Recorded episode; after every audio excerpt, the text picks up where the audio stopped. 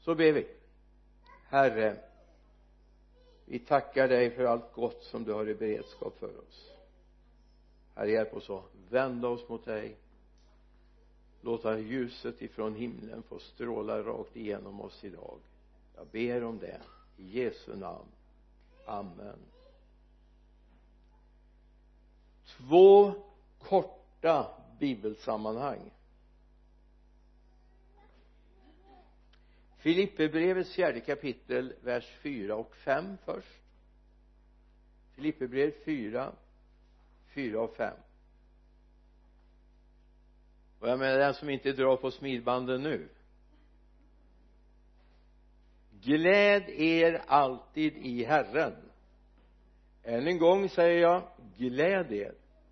Låt alla människor se hur vänliga ni är.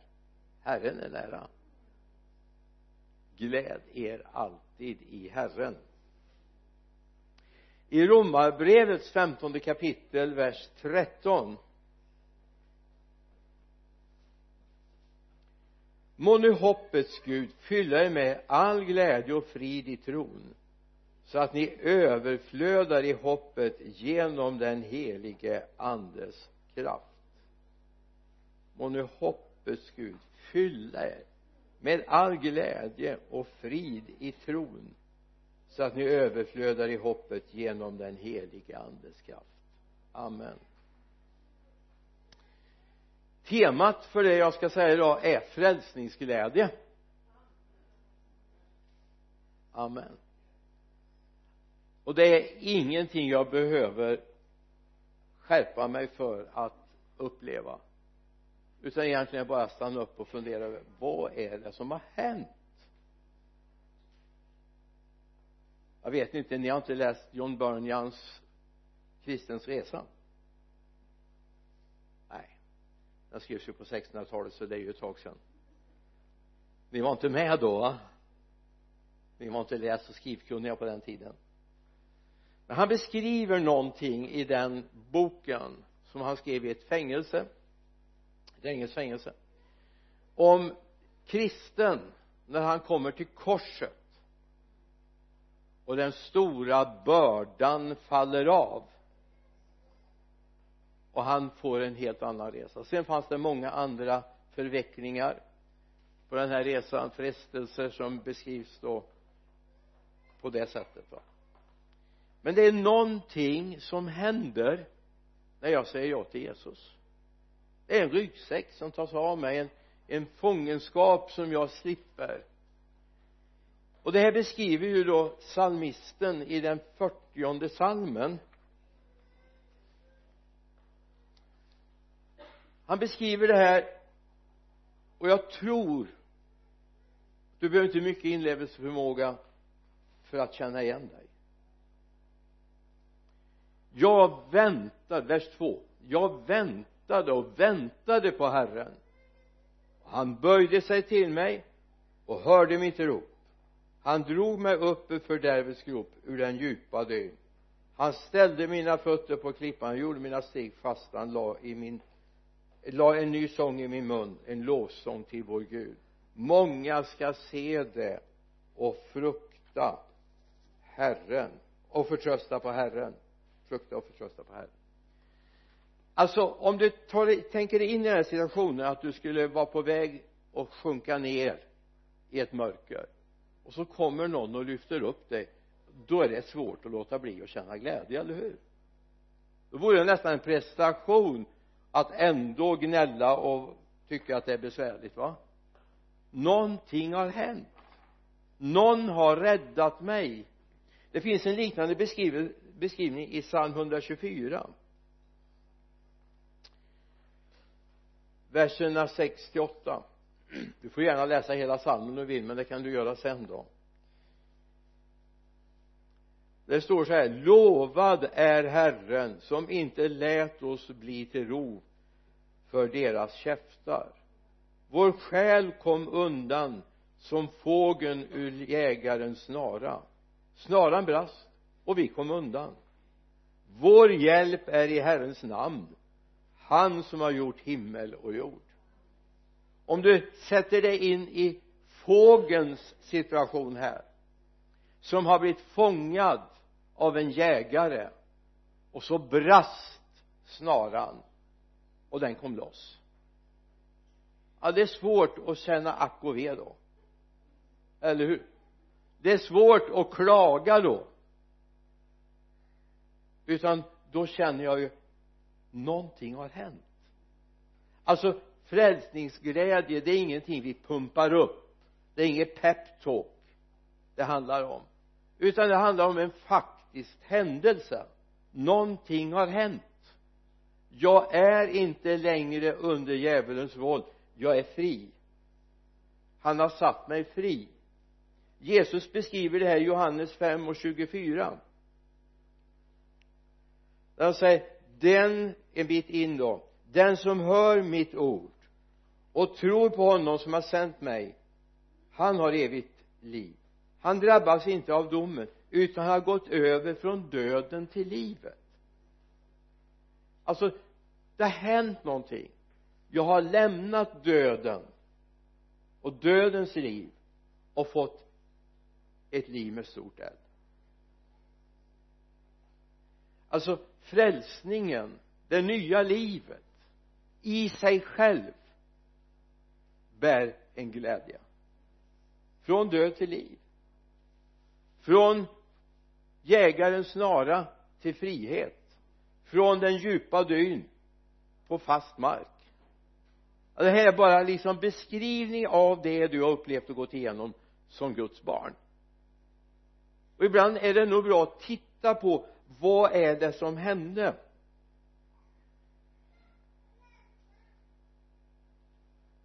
Alltså det kristna livet producerar någonting i mitt inre som jag borde börja upptäcka.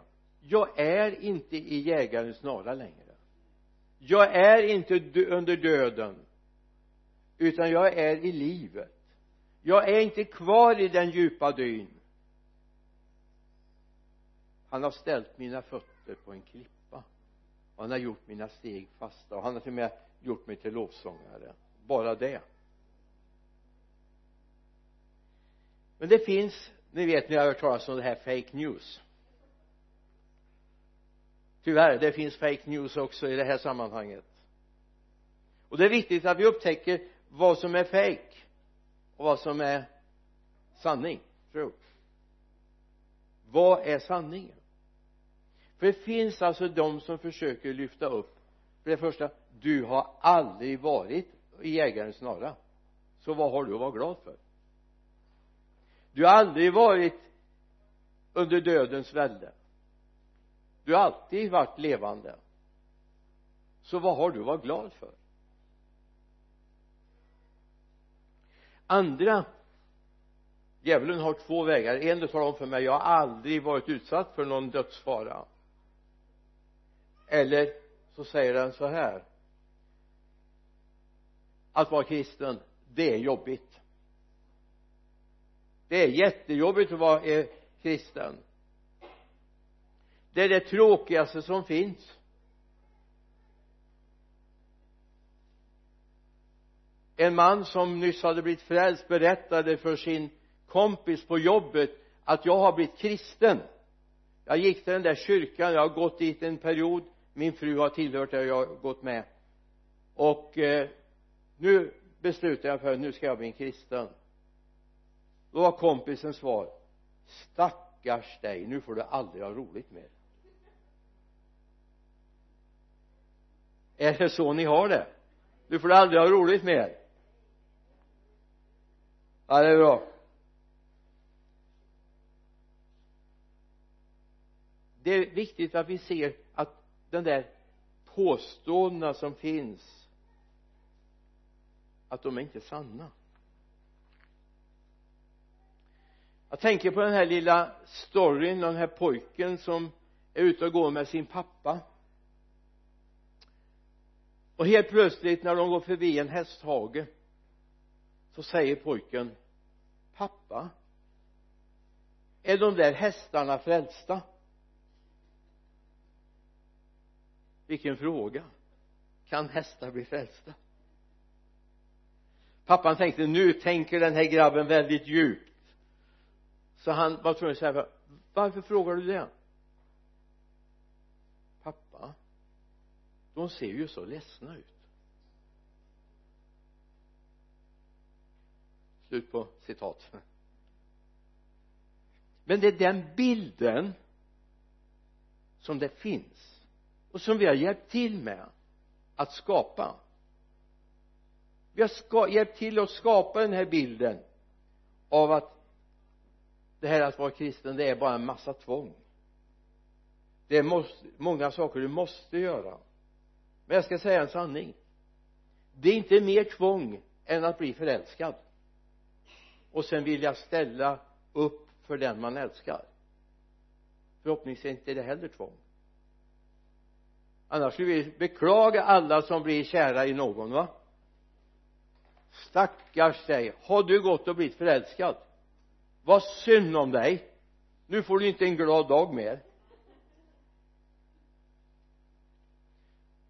Hemligheten är att du har fått förmånen att bli förälskad i Jesus. Och då vill du göra allt det du har möjlighet för att välsigna honom glädja dig i att få vara tillsammans med honom. Paulus skrev ju så här i Romarbrevet 15 och 13 må nu hoppets Gud fylla er med all glädje och tro från, eh, och frid i tron så att ni överflödar i hoppet genom den heliga andes kraft. Må nu hoppets Gud fylla er med all glädje och frid i tron så att ni överflödar i hoppet genom den heliga andes kraft. Alltså det handlar om att hoppets Gud ska fylla oss. Inte hopplösheten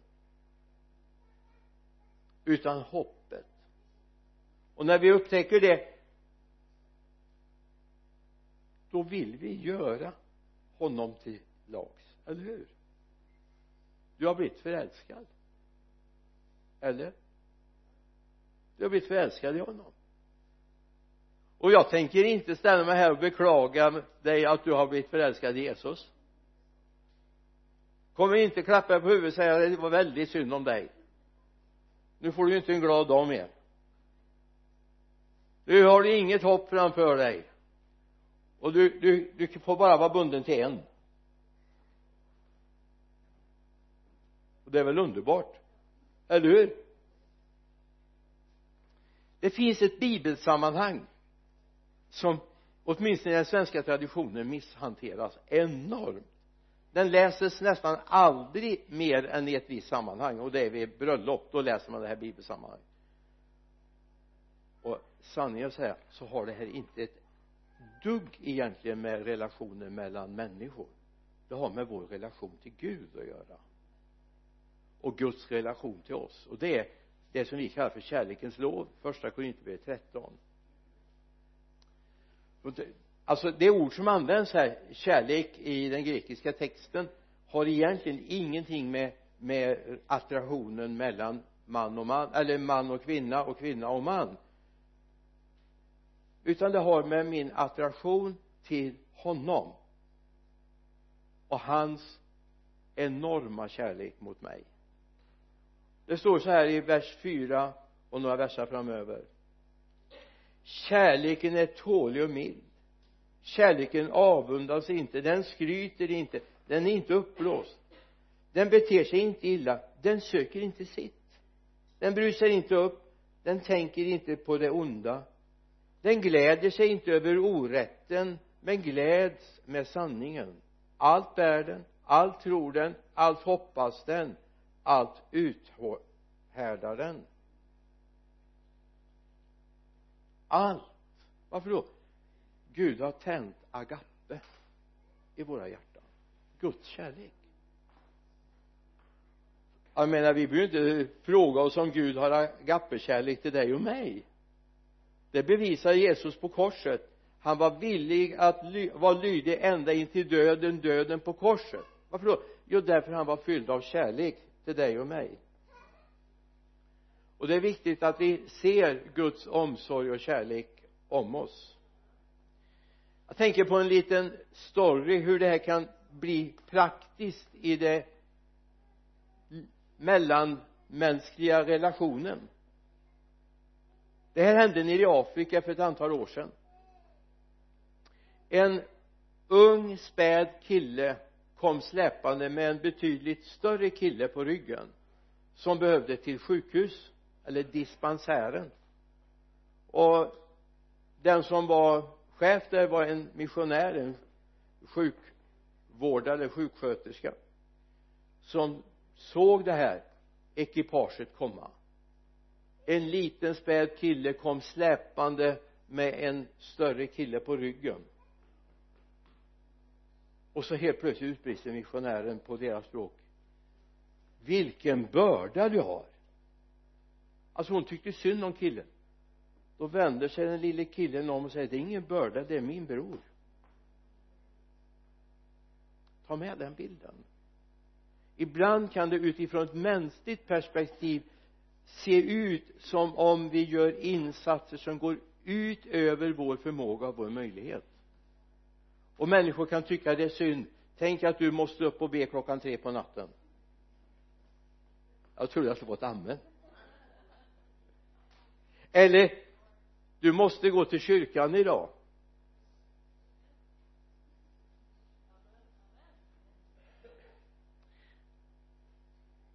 Det är ingen börda.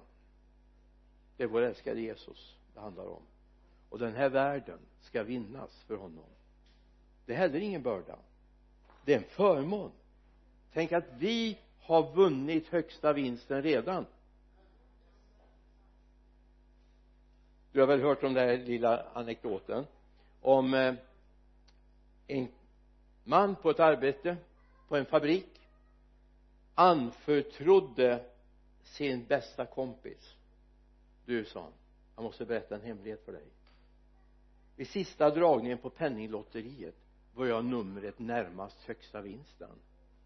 Men säg det inte till någon för alla blir så avundsjuka.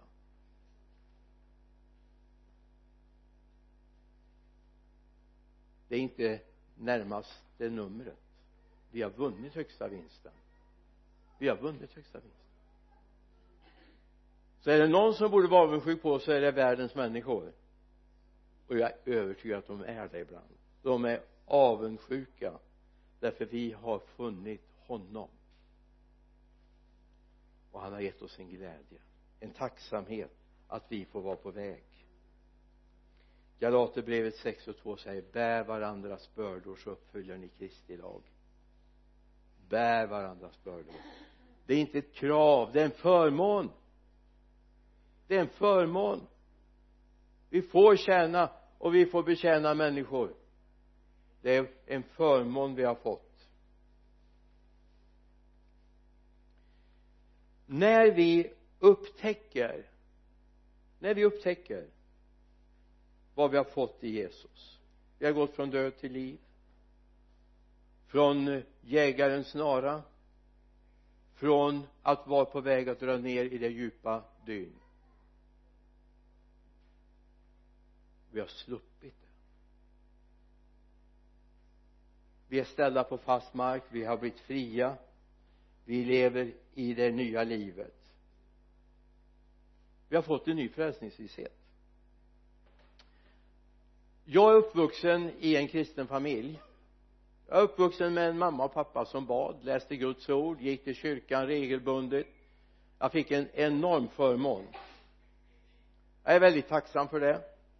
De lärde mig att trampa upp stigen till Guds hus även om tonåren var jobbiga och brytningsår för mig då gick jag inte så ofta till kyrkan men jag visste vägen. Jag visste vägen. Men den här dagen när jag beslutar mig för att nu är Jesus mitt allt. Det var inte bara så att ja det kan kännas lite bättre då Kristus utan jag beslutade mig för att det här Jesus ska vara mitt allt. Oavsett vilka erbjudanden jag kommer stå inför i livet så måste alltid Jesus vara i första prioritet.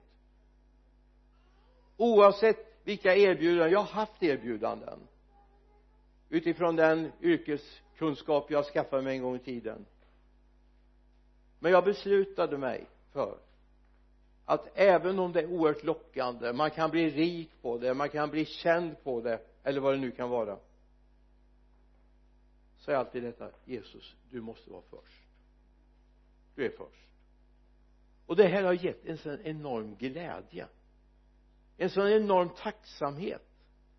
Så jag har verkligen fått lära mig vad frälsningsglädje är. Det beror inte på att jag har haft en lätt resa genom livet. Det beror inte på att vi inte har drabbats av sjukdom. Det beror inte på yttre omständigheter. Utan det beror på en sak. Jesus har alltid fått vara nummer ett i våra liv och jag skulle vilja att varenda en finge uppleva den förmånen att vara Jesus som nummer ett. Oavsett det kan genomlysa allt. Vilket arbete, var du bor så kan det få genomlysa ditt liv. Så frälsningsglädjen skiftar inte med bostadsort. Frälsningsglädjen skiftar inte med vilket arbete. Ja det finns arbeten som kanske jag skulle inte jobba med att tillverka vapen till exempel. Det skulle väl vara lite tveksamt. Jag skulle heller inte kunna jobba där man säljer rusdrycker. Det skulle också vara en omöjlighet för mig. Även om jag lever rent så säljer jag ju till de som inte kanske kan använda det.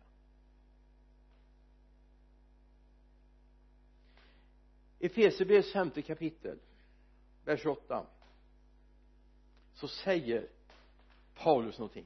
Och när jag gjorde den här upptäckten för några år sedan så blev det en sån här total revolution i mitt inre.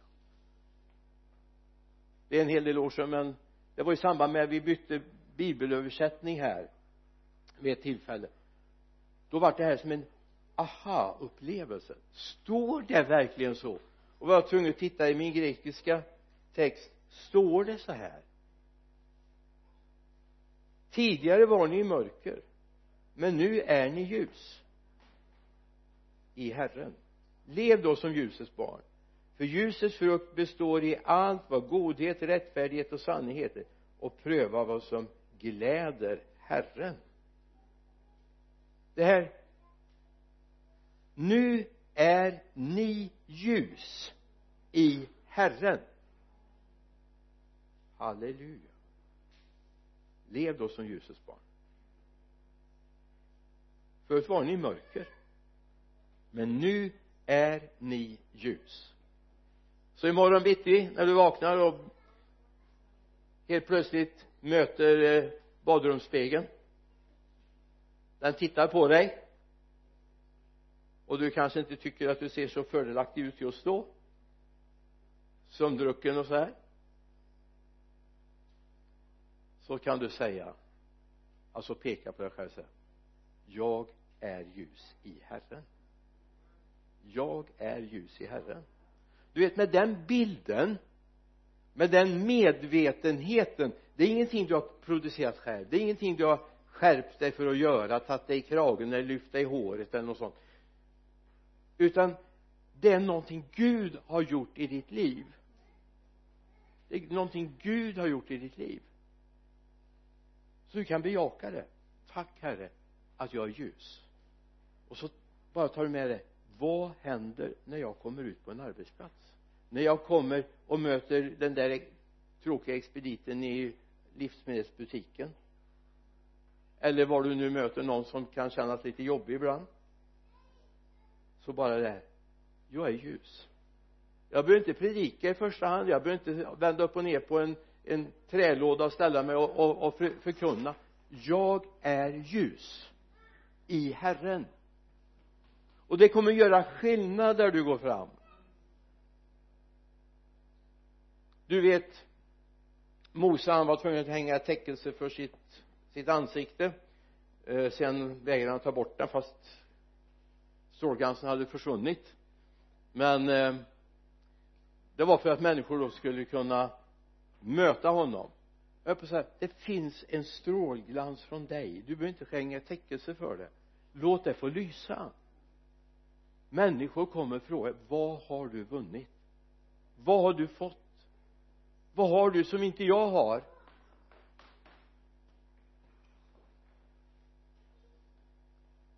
Du har fått en ny identitet. Du har fått en ny tillhörighet och din identitet är Kristus.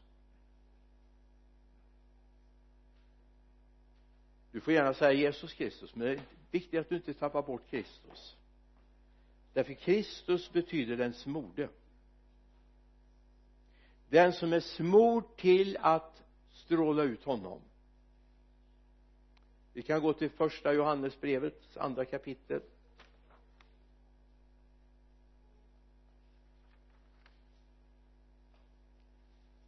Inte var jag skrev ner någonstans. Jo här.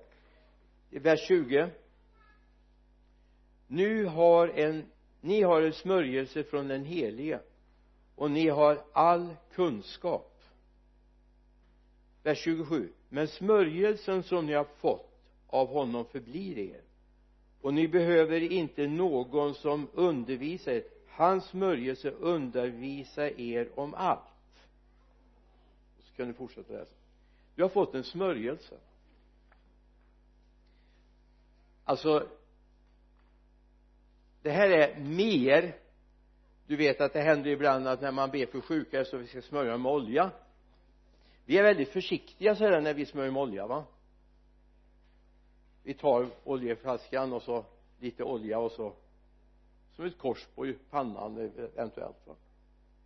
Du vet på den här tiden i gamla testamentet när man smorde kungar vet du. Det var en hel hink med olja.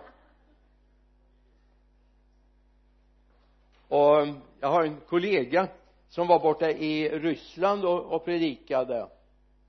Och så skulle de eh, avskilja äldstebröder i församlingen. Han fick förmånen att vara med i den bönestunden. Och eh, de gick fram kom fram de här fem bröderna som skulle avskiljas som äldste i församlingen. Och så var han så förvånad för vid fotändan där de stod framme på estraden så stod det ett stort oljekrus som innehöll ett par liter olja vid vars och en. Och han frågade liksom pastorn där vad är det här? Ja jag har ingen aning sa han. Så att han frågade de här bröderna då vad, vad tänker ni? Jo men vi har läst i gamla testamentet så om det ska smörjas ska det smörjas rejält. Så de fick ta det där och så hälla över dem. Då vet ni, då var det så när det rann ner i skägget vet du som vi läste förut va? Vi är lite försiktigare av oss sådär och lite mera ja ta det lugnt nu. Men alltså det finns en smörjelse för att det handlar inte om det yttre. Det handlar om någonting som flödar här inne. Gud gör någonting på insidan när, när eh, profeterna fick smörja kungar i gamla testamentet så var det ju jättefint när de smorde med olja. David blir smord så, Salomo blir smord så Saul blir smord så och flera kungar. Men det var inte det yttre som var det viktiga utan det här var en bild på det Gud gör i hjärtat. Och det är precis så med dig. Du är smord och låt det inte bara fastna i det yttre utan låt någonting få ske i ditt inre. Så att du upptäcker vad Gud har gjort. Verkligen. Och då ska vi börja riktigt grundligt. I Efesierbrevets fjärde kapitel vers 24 ja vi kan läsa i vers 23 låt er förnyas till ande och sinne och klär i den nya människan som är skapad till likhet med Gud i sann rättfärdighet och helighet Gud har skapat dig till likhet med Gud. Smaka på det. Smaka på det. Gud har skapat oss till likhet med Gud. Vi har inte fått en Guds likhet på det sättet. Jesu härlighet ligger i detta att han inte utkrävde gudslikheten. Han levde lik Gud. Han var sann Gud men det var inte det som var hans storhet. Han ödmjukade sig. Avsade allt det här för att bli offret för oss. Men vi har ändå fått en likhet. Vi har fått ett nytt DNA så att när frälsta människor säger så här ja men jag är sån här till min natur. Strunta i naturen. Ta emot det nya. Jag har alltid varit sån här alla i min släkt har varit sådana här. Vad är det här för en bekännelse? Då bekänner du dig till dödens attribut.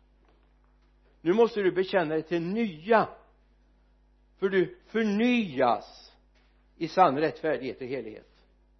Du är skapad till likhet med Gud. I första Petrusbrevets första kapitel så står det välsignad är vår vers 3 välsignad är vår Herre Jesu Kristi Gud och Far. I sin stora barmhärtighet har han genom Jesu Kristi uppståndelse från de döda fött oss på nytt till ett levande hopp.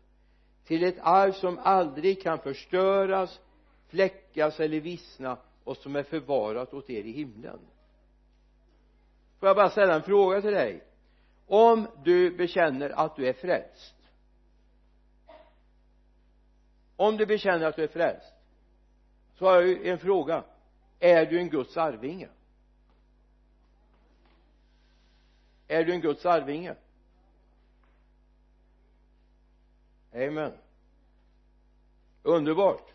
Alltså det är viktigt att vi ser det. Och då är du inte fattig.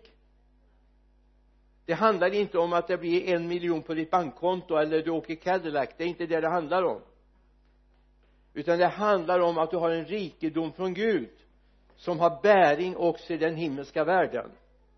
Ja, men Gud kommer inte en dag på när vi ska in i himlen och fråga dig så här att eh, hur stort bankkonto har du?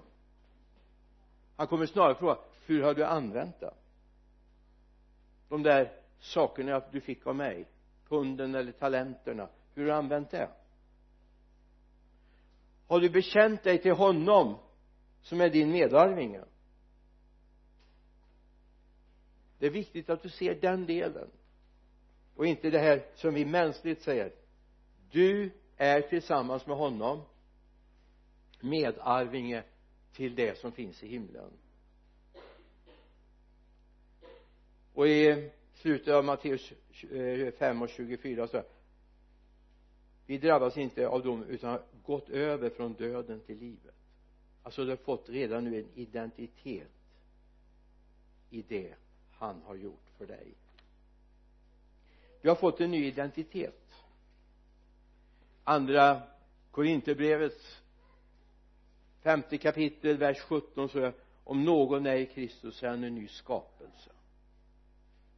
Finns det några nya skapelser här idag? Som har fått en ny identitet en ny tillhörighet det gamla är förbi något nytt har kommit. Det här är viktigt att vi har den bekännelsen. Det kommer möta så många människor som kommer påminna dig om din gamla natur. Jag vet hur du var. Men sällan vet de hur vi är. Men ibland så lyssnar vi på hur vi var så vi gärna tar emot det nu skulle jag egentligen börja predika. Det här var inledningen. Går det bra? Vi ska ju inte ner till skräckland förrän vid halv fyra så det går bra va? Amen. Nej det var ingen som sa amen till det. Nej då vi ska dra ihop det ganska snabbt. Hur får jag tag i den här frälsningsglädjen? Det räcker ju inte att jag säger det till dig att du ska vara glad. Jag är glad så du ska vara glad. Gud har ordnat det här. Han har gett oss en möjlighet.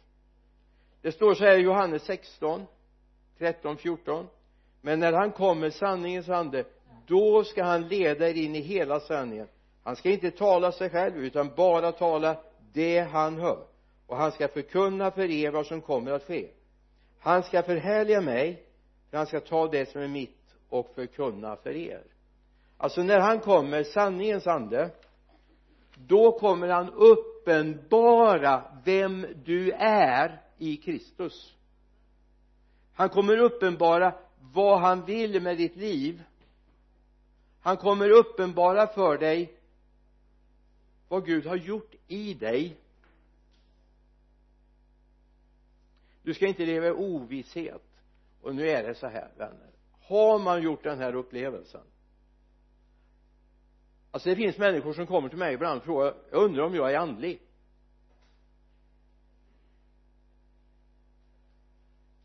Är jag uppfylld av den helige ande? Alltså ställer man frågan nu ska jag vara lite sådär rak.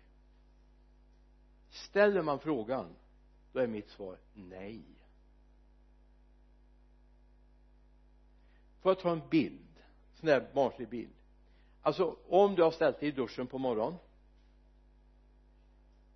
så märkte du väl om du duschade eller ej eller? Märkte du inte det då stod du inte i duschen. Då var du för trött. Om du äter så märker du att du äter. Är du mätt så är du mätt va? Mm alltså det är lika naturligt när flödet från honom börjar pulsera i mig. Johannes 7.38 den som tror på mig som skriften säger ur hans innersta ska strömmar av levande vatten flyta fram. Det här sa han om anden står det i vers 39 som det skulle få som trodde på honom. Alltså om källsprånget har börjat påla här inne den här glädjen alltså vi kan vara glada över omständigheter. Det kan hända saker, positiva saker. Vi kan vara glada över det. Men tänk när vi till och med mitt i ökenlandskapet det känslomässiga ökenlandskapet känner glädje. Då kan man nästan ana att någonting har hänt. Att till och med när man upplever svåra dagar, tuffa dagar människor är emot och så vidare. Att då känna ändå att det pålar en glädje då har smörjelsen börjat hända det händer någonting. Låt det flödet få fortsätta i ditt liv för det kommer vilja att du går vidare och överlåter dig till honom. Alltså låt Guds ande få göra det Guds ande ska göra i dig. Och du kommer bli medveten i ditt mänskliga förstånd att någonting har Gud börjat göra i mitt liv. Har jag haft en funktionsnedsättning på något sätt i din kropp? Är det någonting som har inte fungerat och så helt plötsligt börjar fungera? Då vet du ju om det. Så är det jag höll på att säga det är en andlig funktionsnedsättning när man inte har den helige ande. Det är det. Och när den helige ande börjar ta över kontrollen så betyder det inte att du får lättare dagar att du får mindre problem att du inte stöter på bekymmer. Det kommer du att göra. Men mitt i detta så kommer du känna wow Gud är på min sida. Han ger mig kraft. Han ger mig glädje. Nu hade jag tänkt faktiskt vi skulle tala om lite att lära känna fadern. För det, det är väldigt bra att lära känna honom. Har du förstått det? Alltså om den heliga ande får börja verka. Och han uppenbarar sonen för dig. För det är den helige andes uppgift. Den helige andes uppgift är att uppenbara sonen för dig. När den helige ande fått uppenbara sonen för dig och du får kontakt med sonen så kommer du också lära känna fadern. Och det är en underbar upplevelse att få bli bekant med fadern den helige älskade vänner du har all anledning att känna frälsningsglädje, eller hur? Jaha var det så? Du har all anledning. Han har gjort det. Nu bör du börja upptäcka det. Och det här är vägen för dig hem till far i himlen. Det är ingen tråkig väg att gå med Gud det kan vara en jobbig väg men det är ingen tråkig väg. Du måste skilja på det. Du kan möta på problem motstånd människor som misstycker och så vidare och som talar om fake news för dig. Det här funkar inte. Jag har mött människor som har berättat för mig men du vet jag var också kristen en gång i tiden men det funkar inte så har vi pratat lite grann om det och så visade det sig ja att de gick till kyrkan lite nu och då. Men de hade aldrig låtit Jesus flytta in i deras liv. Tyvärr har vi många sådana i våra kyrkor idag. Människor som inte har låtit Jesus ta över. Men de är inte sanningssägarna. Det är de som har mött Jesus som är sanningssägarna, eller hur? Och de litar vi på. Amen nu ber jag dig herre att det här ska få landa i våra hjärtan så vi förstår vem du är och vart du vill leda oss. Jag ber om det för ditt namns skull. Amen.